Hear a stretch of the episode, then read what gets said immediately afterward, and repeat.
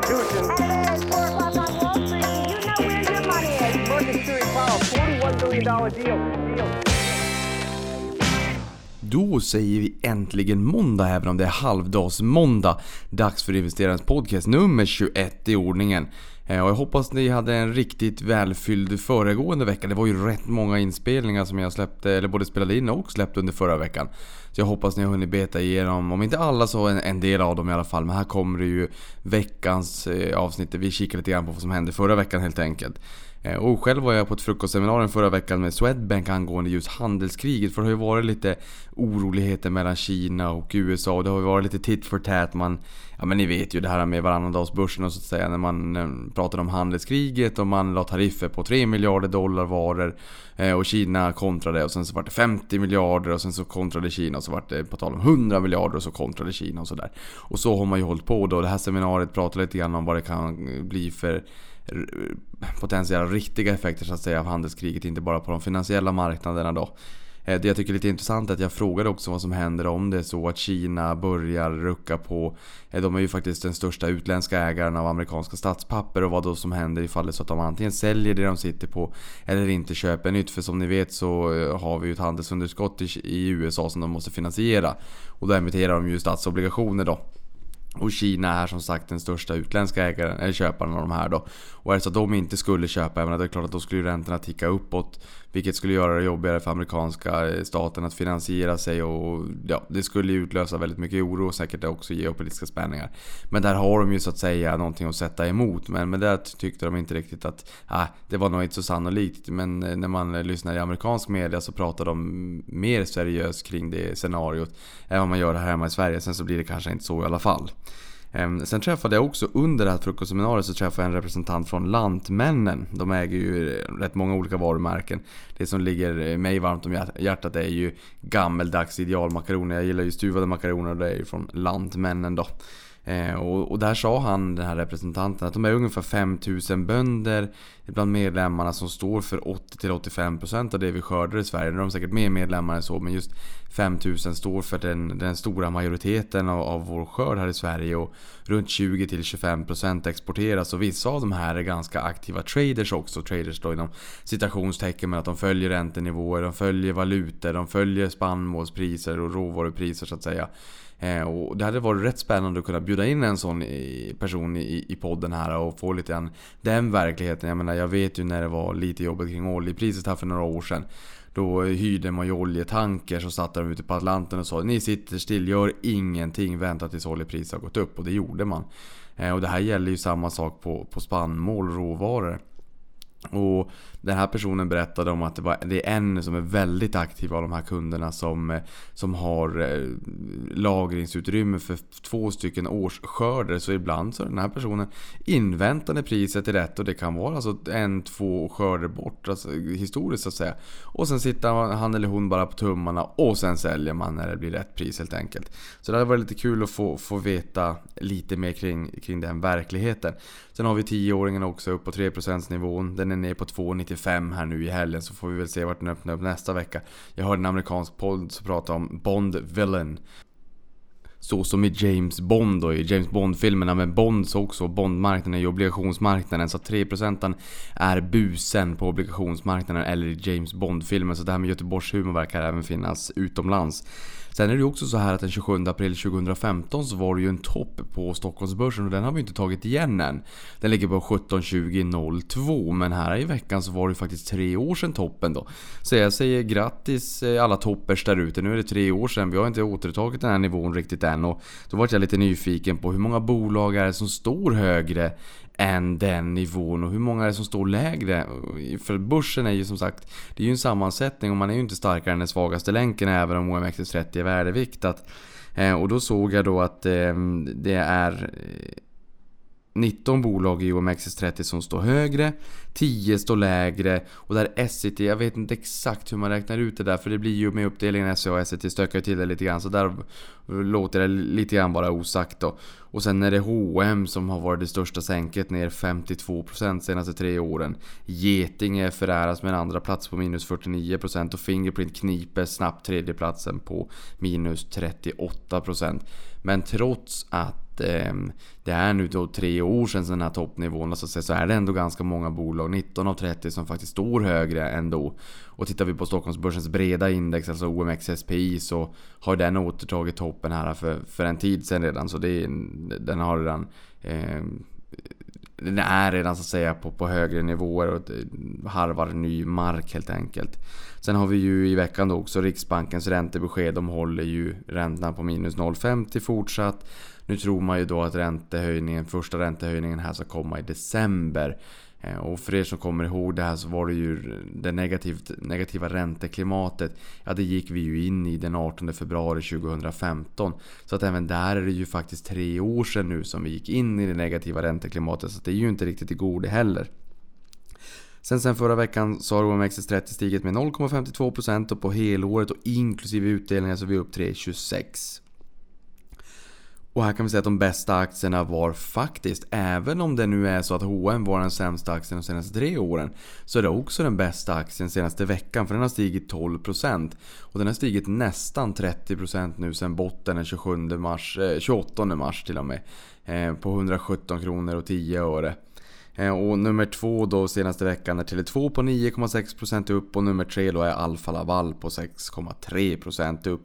Och värderingen på Stockholmsbörsen är 15,5 gånger årsvinsten innevarande år förväntat då 2018. Så då har vi också värderingen. Men nu tänker jag att vi ska gå in på veckans tema, för det är nämligen så här att jag ramlade över en artikel i Eh, en amerikansk tidning som eh, pratade om månadsutdelning på aktier. Och det här är ju någonting som jag vet att många tycker är lite roligt.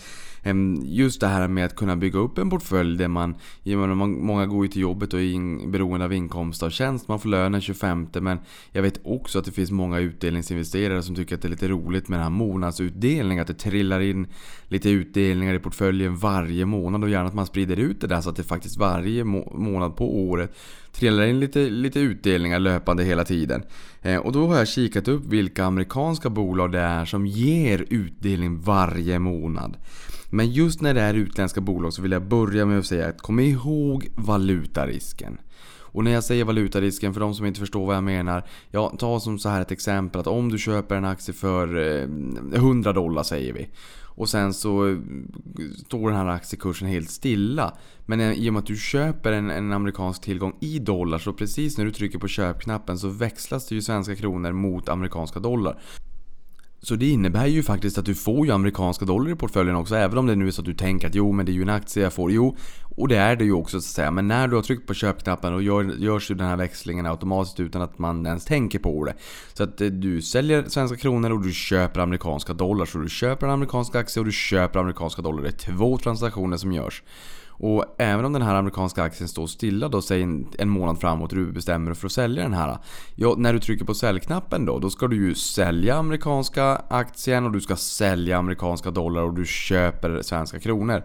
Och är det då så att eh, dollarkursen har försvagats mot kronan, eller kronan då har stärkts så att säga, det är ju samma sak då. Eh, andra sidan av myntet helt enkelt. Ja men då kommer det ju också innebära att du får mindre svenska kronor tillbaka när du växlar tillbaka det här. Så att om aktierna står stilla men valutakursen har fallit minus 10% då har ju investeringen gett en totalavkastning på minus 10%.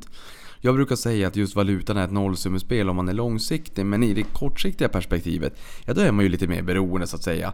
Så att tänk bara på valutarisken också. Och när det är utländska aktier så brukar man ju rekommendera kapitalförsäkringen. Då behöver man inte tänka på att Jämco försöka få tillbaka den här skatten då som man har betalat på utdelningar från utländska innehav. För det är ju så att eh, när man får utdelningen på investeringssparkonto och kapitalförsäkring, även om man inte ska betala någon skatt där, så är det ändå källskatter som hålls tillbaka från det landet där man får utdelningen ifrån. Och det här kan ta upp till tre år innan man får tillbaka det här, men det sker per automatik då, så du behöver inte tänka på det. Men är det så att du får en utdelning på 100 kronor då kommer det behållas källskatt 50 kronor. Och sen får du 50 kronor direkt. Den andra 50-lappen här som behålls, den kan ta ett tag, eh, upp till tre år då innan man får tillbaka. Och är det så att man har ett investeringssparkonto och underskott av kapital, då kan man bara få tillbaka dem max då kan man bara få tillbaka de max 500 kronor. Medan det inte finns någon tak på kapitalförsäkringen så därför brukar den rekommenderas då helt enkelt. Eh, men med de orden sagt så tänkte jag gå igenom några bolag som jag hittat just här i USA som faktiskt ger månadsutdelning. Och jag har verkligen slitit mina grå för att sammanställa den här. Så jag hoppas att du gillar den. För jag brukar ju säga att man ska agera hushållets arbetsförmedling och sysselsätta pengarna. För de ska ju arbeta för dig. På samma sätt som att man går till jobbet, säljer sin tid och arbetar och springer och motionerar det här ekorrhjulet så ska ju dina pengar arbeta för dig också. Jag lön eller inkomst av tjänst så säljer man ju tiden som sagt men inkomst av kapital då låter du pengarna jobba för dig istället. Och dessutom är ju beskattningen låg med investeringssparkonto eller kapitalförsäkringen då. Speciellt om det är så att man har eh, marginalskatt på sin inkomst av tjänst. Då blir ju utdelningen ännu mer intressant så att säga. Att arbeta mer med den och försöka optimera eh, så att portföljen växer och så att utdelningen växer så att man får utdelningstillväxt och sådär. För då kommer du ju undan med, med lite lägre skatt. Ehm, jag tror att Jonas Sjöstedt skulle ha blivit skogstokig om han hörde mig säga det där. Ja. men, men, men det är så det är i alla fall. Ehm, och jag menar själv har jag suttit i helgen och uppdaterat min utdelningskalender i min balansräkning och jag kan säga att april och maj det är liksom högtiden för utdelningar, i alla fall i min portfölj. Och jag tror för de allra flesta, för jag brukar ju säga att det, är, eh, det regnar pengar på vårkanten så att säga. Och just april-maj är ju högtiden. De flesta bolagen trängs ju med att eh, transferera utdelningarna då till, till aktieägarna. Eh, och, under de här månaderna så får jag faktiskt lika mycket utdelningar som vad jag får lön. Så det är ju en liten... Det, det är lite roligt att se. Inte milstolpe, det ska man ju inte säga. Men det är ändå roligt att se så att säga. Och i relativa termer så är den inkomsten lite roligare i och med att den exponeras ju inte för marginalskatt ifall det är så att man har det då om du har inkomster på i runda slänga 40 000 och därutöver. Eh, I och med att det blir inkomst av kapital. Men jag menar på investeringssparkonto och kapitalförsäkringen så blir ju utdelningen per definition skattefri. För det genererar inga nya pengar utan det är bara pengar som skiljs av. Utan där tittar man ju på värdet på investeringssparkontot eller kapitalförsäkringen. Så att just själva utdelningen är per definition skattefri. För den, den räknas redan med i värdet när man löpande eh, räknar på värdet på Eh, på, på förvaret så att säga och schablonintäkten beräknas. Eh, medan om man får en lön då, menar, då ska du ju tjäna 200 kronor för varje hundralapp netto helt enkelt. Så det gör ju att det blir mer intressant att jobba med portföljen och se om om det är så att man är utdelningsjägare, vart får jag den högsta direktavkastningen? Vart får jag utdelningstillväxt? Att påta på i den finansiella trädgården. Därför att du får behålla mer själv här än vad du får göra av inkomst och tjänst när du säljer din tid till en arbetsgivare. För det är så, det är så skatteslagen ser ut i, i Sverige helt enkelt. Eh, och tittar vi på amerikanska aktier så är det ju vanligt att man då lämnar kvartalsvis utbetalning. Eh, och i Sverige har ju många bolag börjat med att dela upp utdelningen de också. Men just att kvartalsvis utbetalning är ju inte riktigt jättevanligt. Eh, preferensaktierna har det. Jag har också fått önskemål om att köra ett, ett avsnitt om just preferensaktier, vad det är för någonting, hur de fungerar och sådär. Det kommer kan jag säga. Ehm, men i Sverige så har vi väl halvårsvis har väl favoriserats lite grann. I USA är det kvartalsvis som är det, det vanliga. Men sen finns det också ett gäng bolag som faktiskt har valt att ha månadsvis utbetalning. Och de kommer vi gå igenom i det här avsnittet då. Och det vet jag att vissa av er tycker är lite spännande också. Det är ju roligt även om jag tycker att det är totalavkastning som är det viktigaste. I alla fall när jag är ung och jag, har, jag lever on the buy side of life och jag har många årtionden på mig så att säga. Då är det ju alltså kurstillväxt plus utdelning, alltså totalavkastning som är det viktiga. Men jag förstår skärmen med det här ändå. Men det kommer ju också någon dag i framtiden där jag känner att jo, men nu är de här utdelningarna som kommer. Jag kanske inte behöver nagga av kapitalet jag byggt upp. Men jag kanske inte heller behöver återinvestera 100% eh, peppar peppar. Jag kommer göra det under lång tid framöver. Men någon dag kommer ju den tidpunkten så att säga. Och då är det lite roligt att det trillar in slantar lite nu och då. Att man inte bara är beroende av den 25. För vi sparar ju den 25 varje månad för att bli oberoende av den 25. Jag brukar säga det när det är uppe sitta kväll också, dagen innan löning. Ehm, och sen menar, det är kul att få liksom, lite utdelningar som trillar in i portföljen. Och jag har sagt det här tidigare, men just om man vill räkna på då, vad behövs för att bli inom citationstecken ekonomiskt oberoende? Alltså att inte behöva gå till en arbetsgivare och sälja sin tid för att kunna täcka sina omkostnader. Men fundera på vad man har för fast kostnadsmassa. Och det är också en, en liten abrovink som jag räknade på helgen. Jag tänkte, vad, vad har jag för fasta kostnader med, med eh, avgiften och räntekostnader och elräkning och bil och allt vad det är. Och sen så tog jag den summan och delade på total disponibel inkomst så fick jag en, en, kostnadskvot eller vad man ska kalla det för. Alltså hur stor del är mina fasta kostnader som, och fasta i termer av att de här fluktuerar ju inte från månad till månad utan de kommer ju de här räknarna varje månad så att säga. Hur stora är de i förhållande till min fasta inkomst? Jag landade på 20% så att jag, eh, ni får skriva vart ni landar på under hashtag prata pengar får vi väl se om 20% är mycket eller lite. Jag tror inte att det är sådär jättemycket ändå. Men alldeles oavsett då, för att ta reda på hur mycket man behöver för att just inom citationstecken bli oberoende då. Vi tar den här trisslotten, 25 000 i månaden, 25 år. Ehm, behöver du 25 000 i månaden så tar du månadsbeloppet du behöver gånger 12. 25 000 i månaden gånger 12 är 300 000. Och sen delar du det med den direktavkastningen du tror att du kan få. Vi säger 6% då. Så 300 000 delat på 0,06 det vill säga procentsiffran fast i decimalform. Så ser du att du behöver 5 miljoner för att med 6% direktavkastning få 300 000 om året eller 25 000 i månaden då. Så kan du sitta och räkna på här hur mycket, hur mycket du skulle kunna tänkas vilja ha, vad du skulle kunna leva på som, som minst och hur långt det är kvar innan du har nått upp till det helt enkelt. Eh, och jag vill också säga det här om att börsen ger ju en direktavkastning i snitt på 4,4% nu i, i, i år. Jag hörde mig säga 4,5% men det här beror ju också lite grann på hur kurserna på börsen rör sig. Eh, så att jag menar varje tusenlapp som du investerar kommer ju allt annat lika om den hade fått börsens direktavkastning ge en utdelning på 44 kronor om året och det är ju passivt utan man behöver göra någonting. Och det här kommer du få för resten av livet allt annat lika om det är så att börsen eller bolagen då som man äger inte sänker utdelningen och det är ju självklart att det också kan hända. Men bolagen brukar vara ganska oävna att sänka sin utdelning men det är ingen garanti för att de inte gör det så att säga. Men just det här med att man kan tycka att man behöver så mycket pengar för att komma igång. Nej men så är det inte riktigt. För tänk så här istället, varje hundralapp eller varje tusenlapp, många bäckar små, de ger också en direktavkastning. Och då kan du ju liksom skriva in i ett litet Excel-dokument, hur mycket direktavkastning har jag förväntat innevarande 2018 nu? Och så nästa månad när du köpt lite mer aktier, hur mycket förväntas det vara nu? Och så månaden efter det när du köpt lite mer aktier, vad förväntas det vara nu? Och sen ser du din förväntade utdelning, eh, årliga utdelning så att säga, växa över tid. Och det där tycker jag är ganska roligt för då får man ett litet incitament till att fortsätta spara också. Man ser hur, den, hur eh, pengamaskinen sakta men säkert faktiskt byggs upp. Men nu hörni, nu är det dags att titta på de här amerikanska månadsutdelarna. Men innan vi gör det, ytterligare bara en sån här liten, liten kortis. Och det är att vad bör man titta på då när man tittar på aktier som ger månadsvis utbetalningar. Men för vissa av er är det här vardagsmat. Men eh, det första man ska titta på är ju direktavkastningen då. Alltså hur stor är utdelningen i förhållande till aktiekursen? Och utdelningen tenderar ju inte kanske att svänga sådär jättemycket men det gör ju istället aktiekursen. Så skulle jag vara helt insnöad på att bygga upp en utdelningsportfölj, då skulle jag tycka att det var ganska kul att följa bolagen och titta på oh, Okej, okay, men hur rör sig aktiekurserna då? För om en aktie står i 100 kronor och ger en utdelning på 5 kronor, då är det ju 5%. Nu pratar vi kronor här, men vi kommer ju bege oss över till Amerika och då är det ju dollars där då. Eh, men är det så att aktiekursen går ner från 100 kronor ner till 50 kronor, ni förstår ju, det är ett ganska överdrivet fall. Då är det någonting ordentligt som har hänt. Eh, men att de då fortsätter ge sin 5 kronor, men då blir det ju 10% i direktavkastning. Och det är ju klart att nu överdrev jag här bara för att det blir en enkel matte för mig när jag sitter och spelar in det här. Men den kan ju gå ner från 100 kronor i aktiekursen kanske till, till, ner till 98 säger vi. Och då kommer ju den här direktavkastningen inte ligga på 5% utan den kommer ligga strax över 5%. Så där kan man ju arbeta hela tiden för att få upp direktavkastningen i sin portfölj. För din direktavkastning består ju helt enkelt av till vilka kurser du har köpt den här aktien. Alltså utdelningen och till vilken kurs du har köpt aktien. Och har du köpt flera gånger så är det det genomsnittliga anskaffningsvärdet då. Alltså de sammanvägda kurserna helt enkelt då. Eh, och sen är det ju utdelningsandelen. Kolla hur stor andel av vinsten som bolaget delar ut. Är det så att man delar ut en större del av vinsten, ganska mycket, dra öronen åt det och kolla om det är så att de kan fortsätta med det här.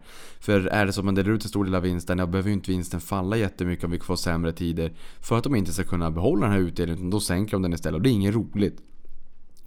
Och sen så tycker den här amerikanska artikeln som jag var in på lite grann också att man ska titta på fem års betatal. Och där kan man ju se, eh, betatalet visar ju hur, hur aktien har svängt historiskt i förhållande till börsen. Så att om en aktie, och det här ser ni på Avanza också på aktieöversikten, men ni ser det senaste, senaste tiden, senaste året och inte fem år. Eh, om det är ett betatal på 1 då har aktien svängt precis som börsen. Om betatalet är över 1, alltså 1,5 säger vi, då har, då har aktien svängt 50% mer än börsen. Och är det ett betatal på 0,5 då har aktien svängt 50% av börsen. Alltså om börsen har gått upp 1% så har aktien tenderat att gå upp en halv procent. Och har börsen fallit 1% då har den tenderat att falla då en halv procent. Eh, och sen sist men inte minst börsvärdet också. Jag kan tycka att varför de här tipsen kring just Ehm, fem års beta kommer in här är väl kanske för att om man då inte riktigt vet hur lång den här portföljen är och när man behöver sälja av helt enkelt. Då är man ju lite mer beroende av hur, hur mycket de här tillgångarna tenderar att svänga över tid. Är det så att man är långsiktig och bara ska sitta och, och kamma hem utdelningar. Ja, då behöver man ju egentligen inte bry sig om eh, om eh, om hur de svänger i portföljen de här aktierna. Det är ungefär lite grann som att om du är långsiktig ägare av en bostad som du hyr ut i andra hand. Ja, det är klart att du kan gå till mäklaren varannan vecka och fråga vad den är värd. Men egentligen om du inte ska sälja för som 15-20 år så kanske det inte spelar någon roll. Då kanske du är mer intresserad av hyresintäkten du har på uthyrningen här i andra hand. Det är egentligen samma sak. Du kanske är mer intresserad av utdelningarna som aktierna ger än, än eh, kurserna på aktierna om det är så att du inte ändå tänker sälja. Men däremot om kurserna faller lite grann så kan du köpa på dig mer för att få upp den eh, direktavkastningen i portföljen då. Men de här utdelningsaktierna då. Det man kan säga är att vill du titta och få lite mer information kring utdelningar så kan jag med fördel rekommendera sajterna dividend.com och nasdaq.com. Nasdaq.com då ser utdelningshistoriken ganska enkelt för, eh, för bolag. Eh, och den här listan som jag har, där finns två stycken typer av amerikanska eh, aktieslag eller investment vehicles som de säger där. Ungefär som kanske en vanlig stamaktie i Sverige eller en preferensaktie exempelvis då. Ehm, och, och, det är Rate, Real Estate Investment Trusts och där är tanken att man ska dela ut Jag vet inte exakt hur siffran är, om det är 85 eller 90% men det, det är, finns ett krav att majoriteten av resultatet ska delas ut till aktieägarna För då slipper själva bolaget eller den här raten betala skatten då då är det fondandelsägarna eller ägarna av raten som gör det istället och det här är ett ganska vanligt sätt i USA att eh, man köper upp lite olika fastigheter, lägger i en sån här rate-struktur och sen så kan det vara många ägare, du och jag som äger den här helt enkelt och får löpande utdelningar. Helt enkelt. Eh, och sen så finns det någonting annat då som heter eh, BDC och det är Business Development Companies. Ehm, och det är lite grann som closed end funds. Att det, det, är inte en vanlig fond utan kanske mer som EQT som pytsar in lite pengar i en fond som köper upp lite bolag. Ehm, och sen så håller man de här i 6-7 år och sen ska det avvecklas så att säga. Där finns det samma sak här också, en bolagsstruktur som går att likna lite grann som en closed end fund. Så att det är alltså inte en vanlig fond där du bara kan pytsa in en hundralapp och bli en fondandelsägare så att säga. Utan det är som ett, det är en stängd fond och sen så handlas den precis som en aktie då. Men hörni, nu har vi väntat alldeles tillräckligt så nu börjar vi. Och då kan vi börja med ett bolag som heter AGNC, AGNC Investment. Eh, det är en Real Estate Investment Trust och då vet vi att den ska dela ut större delen av resultatet annars får det inte vara en rate. Eller REIT som man brukar höra i amerikanska poddar.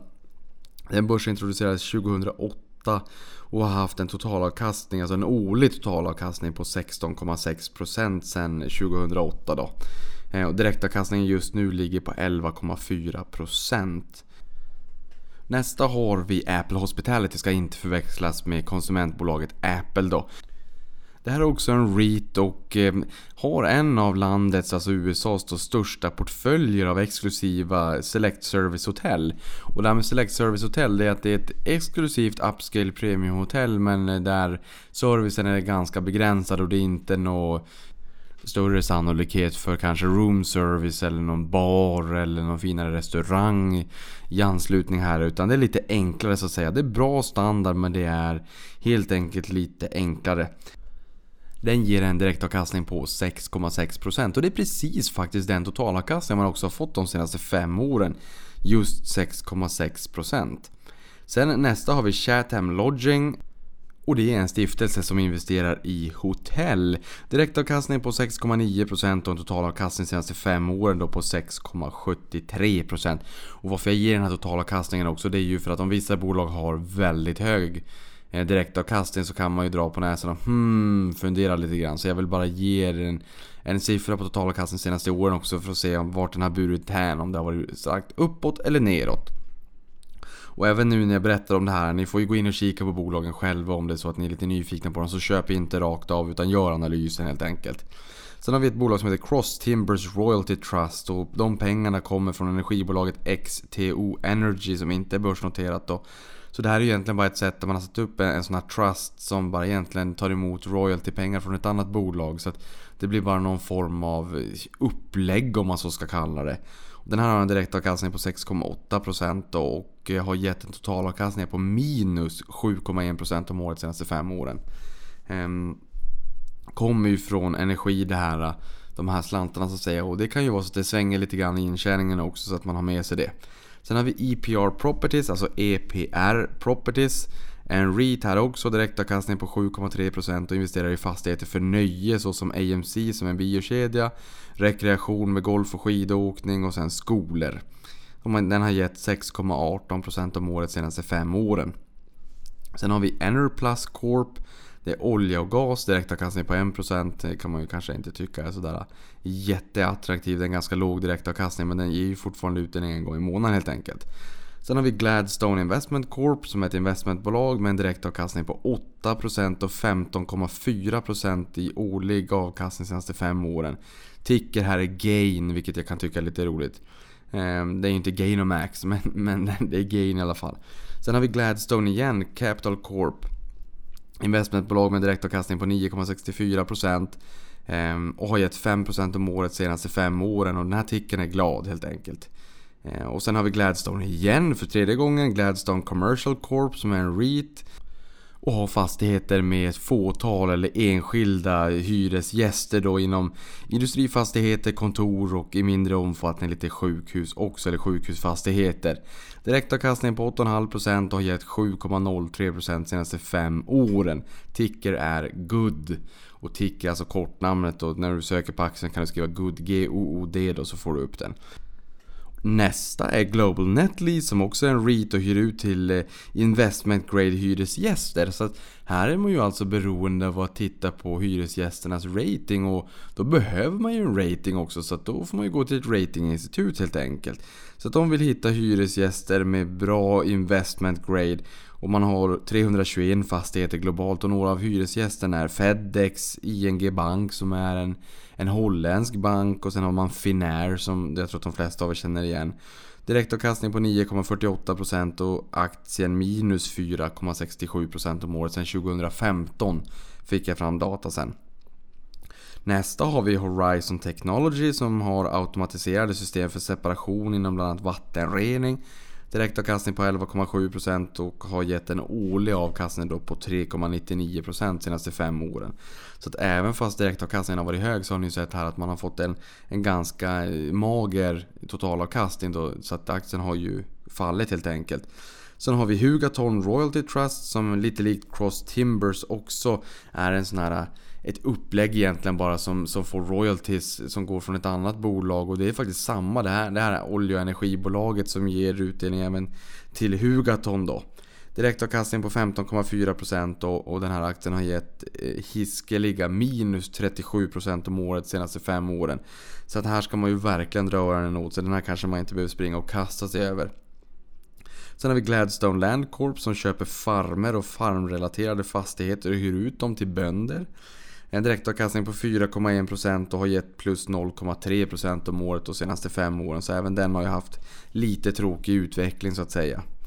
Ehm, sen har vi LTC REIT som är seniorboenden och sjukvårdsfastigheter. Direktavkastning 6,3% och har gett 0,02% om året de senaste fem åren. Så den har ju också varit lite sådär att direktavkastningen är ju god men däremot kursutvecklingen har ju gjort att det har blivit lite skralt. Men Precis som jag sa där då, är det så att man bara är beroende av utdelningar, men då spelar det inte någon roll. Jag menar, vill man återinvestera lite grann eller köpa fler aktier, ja då kan du ju passa på att göra det lite grann när, när kurserna går ner. Om det bara är utdelningen man är brydd om, då spelar det kanske inte så stor roll att aktien rör på sig helt enkelt. Då är det snarare en fördel kanske. Sen har vi Main Street Capital som är ett finansbolag med en direktavkastning på 5,9% och jag märkte att det inte var någon utbetalning i juni 2017. Ehm, 10,3% om året har man fått på den senaste fem åren. Nästa har vi Orchid Island Capital som är Residential Mortgage Backed Securities. Eh, och just det här med Mortgage Backed Securities, då får man lite gåshud och tänker tillbaka till finanskrisen. Ehm, så att kika upp den lite extra om det är så att man är nyfiken på den. Direktavkastning på 23% och en totalavkastning på minus 0,76% om året senaste fem åren. Kanske säger det mesta, kanske säger att man inte behöver kika på den egentligen. Sen har vi Realty Income med ticken O eh, som är favoriten bland småspararna. Det är många både i bloggosfären och även på Twitter som skriver mycket om den här eh, och som har favoriserat den i alla fall historiskt. Eh, och där kan man ju säga att bolaget har över 5000 fastigheter och 249 hyresgäster främst inom, främst låter väldigt amerikanskt, inom retail såsom Walgreens, eh, Fedex, Dollar General, Dollar Tree Circle K som vi känner igen från Sverige också som har tagit över från eh, Statoil då. De har brandat om namnen helt enkelt på mackarna. Ehm, 7-Eleven med flera. Direktavkastning på 4,91% och har gett en eh, totalavkastning på 5,2% senaste fem åren.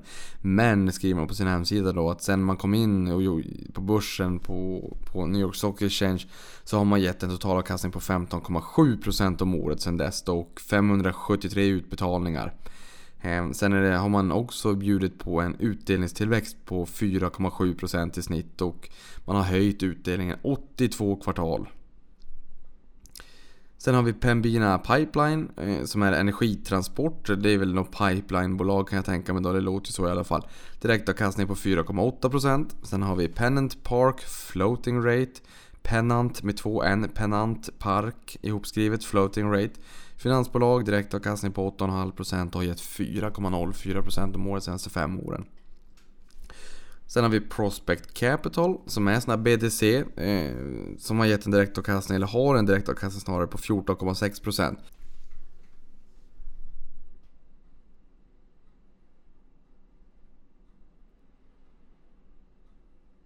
Men där totalavkastningen då har varit minus 3,02% senaste fem åren. Så att ni märker ju här att de bolagen som har en väldigt hög direktavkastning, de har ju inte levererat speciellt bra totalavkastning senaste åren. I mångt och mycket. Och anledningen till varför direktavkastningen just nu när jag kikar då är hög, det kanske då är för att bolagen har haft en, en kursresa som har varit rakt ner i källan. Eh, så att köp aldrig aktier bara baserat på vilken direktavkastning det här är nu. Utan titta också på grafen. Titta vart aktien har, vart den kommer ifrån och vart den står just nu. Och kika lite grann på varför det är så. Jag hoppas min röst håller. Jag har varit förkyld i veckan. Jag känner att jag blir alldeles torr i halsen. Men eh, det verkar gå bra något så nära i alla fall. Så jag hoppas att den håller helt enkelt. Sen har vi Sabine Royalty Trust som tar emot royalties från olja och gasbolag. Direktavkastning på 5%.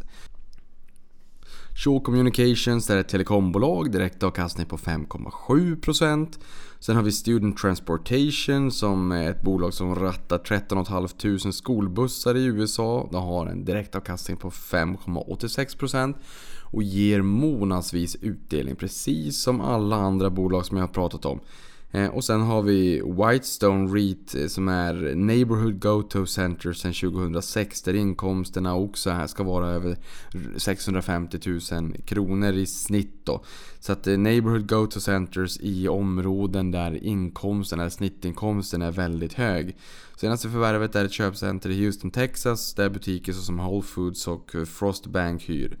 Ehm, direktavkastning på 9,49% och 0,21% senaste 5 åren. Så att även i det här fallet då hög direktavkastning, låg totalavkastning om vi tittar på de senaste 5 åren. Så där är ett gäng bolag i USA som har månadsvis utdelning helt enkelt. Jag vet att det finns en del bolag i Sverige som eh, har inte månadsvis utdelning men som delar ut lite oftare så att säga än bara en gång om året. Så vi, det får väl helt enkelt bli ett avsnitt längre fram också där vi tittar på vilka bolag som har delat upp sin utdelning, vilka bolag som delar ut lite oftare och vilka bolag som delar ut på vilka månader så att man kan bygga upp en liten portfölj där man får inkomst av kapital, alltså en, en liten lön från portföljen med, med ganska löpa jämna steg om det är så att det är just det här med utdelningar och få en liten guldkant på tillvaron man tycker det roligt helt enkelt. Men det var det om det. Det var de amerikanska bolagen. Jag vill bara säga det återigen. Glöm inte valutarisken. Är det så att du bestämmer dig för att köpa amerikanska bolag eh, av den här typen av struktur, BDC-bolag eller REITs. Så tänk också på att valutarisken där finns. Men där har vi gått igenom 24 bolag som ger månadsvis utdelning helt enkelt. Och med det sagt så tänkte jag nog säga som så här att nu är det dags för ett nyhetssvep. Och då kan vi börja med brittiska Whitbread som avser att göra en en spin-off av eh, Costa. Och Costa är planetens näst största kafékedja. Starbucks är den största och Costa är den näst största. Eller Costa Coffee som den heter då.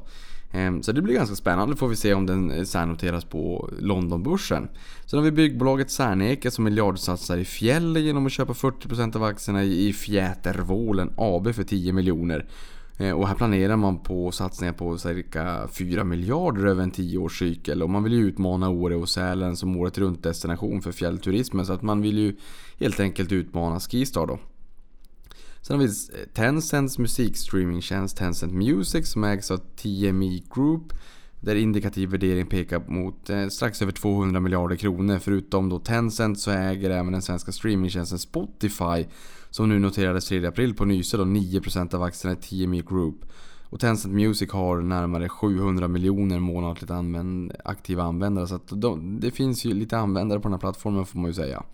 Sen den populära shoppingdestinationen Gekås i Ullared, det är ju inte börsnoterat men jag ville bara säga att de klarade inte av att växa topline i fjol utan försäljningen minskade med 50 miljoner. Det var faktiskt första gången någonsin som bolaget inte såg sin försäljning växa. Trots negativt ränteklimat och eh, mycket pengar i folks plånböcker.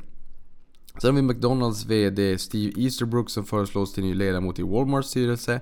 Och tilläggas kan också att Instagrams VD Kevin Systrom inte ställer upp för omval. Och just det här med att exempelvis Tim Cook på Apple sitter i Nikes styrelse. Det är sådana här eh, samband som man på amerikanska marknaden tycker jag i alla fall inte känner till på samma sätt som i Sverige. Här på hemmaplan så har jag väl lite bättre koll kan jag tycka på vilka personer som sitter i vilka bolags eh, ledningar och styrelser och sådär. Snarare styrelser, kanske inte ledningar, det blir ju mer operativt. Men styrelse i alla fall. Sen har vi Alibaba som utvecklar ett eget chip för AI-applikationer baserat på neurala nätverk och kommer heta Ali NP och kommer erbjudas företag då via deras molnverksamhet Ali Cloud och ska tydligen ha en prestanda 10 gånger traditionella AI-chip baserade på CPU, alltså Central Processing Unit eller GPU, Graphic Processing Unit och deras arkitektur helt enkelt. Eh, och sist men inte minst så kommer prestandan vara 40 gånger högre än snarlika produkter med samma prislapp. Så det blir väl intressant att se. Och jag, menar, jag har också märkt det här att även Apple ska gå tillbaka och göra egna processorer som jag förstår det. Så att eh, jag har alltid tänkt att ja, men det är ju AMD och Intel så att säga exempelvis som gör processorer. Eh, eller Nvidia som gör GPU då. Men i det här fallet så verkar det som att man, man gör sina egna. Nu är inte jag någon datanörd sådär men jag tycker ändå att det är intressant. Sen har vi konfektionsbolaget MQ vars namn står för More Quality och sattes på börsen 2010 av finska Kappman. Det är en utsväring förvisso. De tappar sin VD Kristina Ståhl då. Hon är ju en erkänd turnaround-VD som fick fart på Mio. Så från egentligen det sämsta resultatet någonsin för Mio till, till eh, det bästa. Nu går ju MQ lite grann med en utmanande tid till möte. Så i hela konfektionsbranschen har du ganska jobbigt och då måste man ju gasa i ett antal år framöver och det, det var hon inte riktigt beredd på att göra. Så att eh, där kommer en ny VD inom kort kanske. Sen har vi Industrivärden som har sålt hela sin post med B-aktier i SSAB samt 19 miljoner A-aktier då. För en försäljningslikvid på kring 3 miljarder kronor. Eh, och rabatten mot stängningskursen dagen innan blev strax under 4% så den var väl inte jättestor sådär. Och industrivärden kommer att ha kvar 44,33 miljoner A-aktier vilket motsvarar 4,31% av kapitalet och 11,77% av rösterna. Sen har vi en locka-period på resterande aktier på 180 dagar. Och vi kan ju säga att SSAB har stigit kraftigt sen botten här i inledningen i januari 2016. Så att ja, det är väl bra timing helt enkelt. Det är ju ett bolag som är cykliskt som rör sig mycket när vinsterna svänger mycket. Så att det är väl bara att lyfta på hatten helt enkelt med att sälja just nu då så att säga. Betydligt mycket bättre än för två år sedan. Sen har vi bostadsutvecklaren Tobin Properties som vinstvarnar för helåret 2018. Och omsättningen minskade 32% och rörelseresultatet krympte från 27,3 miljoner till 2,5. Ehm, och resultat efter skatt minus 3,3 då, så det är ju en förlust helt enkelt. Och antal sålda bostäder, alltså bindande avtal, uppgick till 3 stycken istället för 146 stycken samma period året innan. Och byggstarter var 0 istället för 95. Sen har vi Eniros årsstämma som har beslutat om en omvänd split med villkor 1 till 100. Eh, och just det här med villkoren, det brukar ju stå 1 till 100 exempelvis, eller 1 kolon 100 och där kan man ju tänka en ny gammal vals, det är så jag har lärt mig det. Ny gammal vals, någon form av dans, det är ingenting jag kan. Men ny, det vill säga att till vänster om kolonet så är det hur många aktier man får efter den här transaktionen. Och eh, gammal då till höger om kolontecknet är hur många aktier som var innan transaktionen. Så 1 till 100 innebär att du får en ny aktie på 100 gamla. Och det här är ett bra sätt att dölja att aktien är ner nära 100% eller så nära 100% igår från toppen. Eh, och Öres aktie skickar ju ut mycket, neg mycket negativt signalvärde. Det kan man ju inte säga någonting om helt enkelt. Så att, jag menar, det är väl bra att de gör det här. Men eh, man kanske kan fokusera på att få bolaget på fötterna operationellt istället för att hålla på med den här typen av aktioner. Sen förstår jag att man gör det här i alla fall och det kanske inte är så att det skäl enormt mycket tid och energi från bolaget. Men man kan ju också tycka att eh, Eniro borde få lite mer fart i bolaget helt enkelt. Om man får ge ett medskick. Sen har vi Sonos som kan komma att börsnoteras redan till sommaren enligt Wall Street Journal. Uppskattat värde där lär väl ligga på runt 2,5-3 miljarder US-dollar. Så 25 miljarder svenska kronor någonstans i det högre spannet. Sen har vi antivirusprogrammet Avast som vi har pratat om tidigare här. som skulle in på Londonbörsen och förväntas bli den största technoteringen i London. Nu har man också sagt att den kommer att komma. Eh, och en värdering här på mellan 2,5 till 3,2 miljarder pund och noteringen förväntas ske den 10 maj. Så det är ganska snart. Sen Stefan Persson i vanlig ordning har köpt mera aktier i H&M. Han månadssparade där och nu köpte han för 764 miljoner kronor under perioden 23 till 25 april. Det vill säga löning helt enkelt. Så han köpte på lite mer där kring lön. Jag skojar bara. Och det här är ord och inga visor och tilltron till H&M är det i alla fall inget fel på. Aktien har stärkts strax under 30% också från botten då 117,10 den 28 mars. Ehm, och sen är det ju också så här att vi har ju sett att följa Stefan Persson som följer John har inte varit någon bra affär. Och de investerar ju för längre tid, eller på längre sikt så att säga. Och det har ju inte varit något speciellt bra timingköp Så att där ska man ju vara lite försiktig. Men det är, ju, det är ändå bra att de visar att de tror på bolaget. Och fortsätter att köpa. Men man kanske inte ska använda det som en timingindikator. Sen har vi Amazon som slog förväntningarna i samband med sin Q1 där omsättningen steg 43% till 51 miljarder US-dollar. Och resultatet per aktie har stigit 120% då. Eh, och 11 maj kommer priset på Amazon Prime att höjas från 99 dollar till 119 dollar. Vilket är en höjning med 20% och de har ju numera 100 miljoner användare av sin tjänst Amazon Prime, alltså sin medlemsklubb där. Sen har vi Latours avgående VD Jan Svensson som köper 2000 aktier i portföljbolaget Alimak där han nu ska ta över ordförandeklubban och transaktionen är värd 245 000 kronor. Sen har vi amerikanska frukostspecialisten Kellogg som höjer sin kvartalsutdelning med 3,7% och direktavkastningen är dito 3,7%. Och då har man gett en utdelning sedan 1925 och man har höjt den här utdelningen de senaste 13 åren då. Och sist men inte minst hör ni Instagram som ägs av Facebook ska bli e-handelsbutik i Norden och utmana etablerade aktörer såsom Zalando och Ticktail. Man ska alltså kunna handla direkt i appen. Och det här kommer inledningsvis inte kosta någonting. Vi får se lite grann vad som händer. Facebook kan vi också nämna är upp ganska ordentligt sen botten. Vi hade Mark Zuckerberg gick ut och sa att man inte hade sett någon nämnvärd påverkan på eh, det sociala nätverket. Eh, efter Cambridge Analytica-skandalen när det kommer till intäkter. Och det visade sig också när rapporten kom att det var riktigt bra siffror. Och aktien är upp och det får vara det sista ordet från mig. Så jag önskar er en riktigt god halvdagsbörs idag måndag och sen en riktigt härlig börsvecka så hörs vi under veckan igen om inte förr. Tack för mig.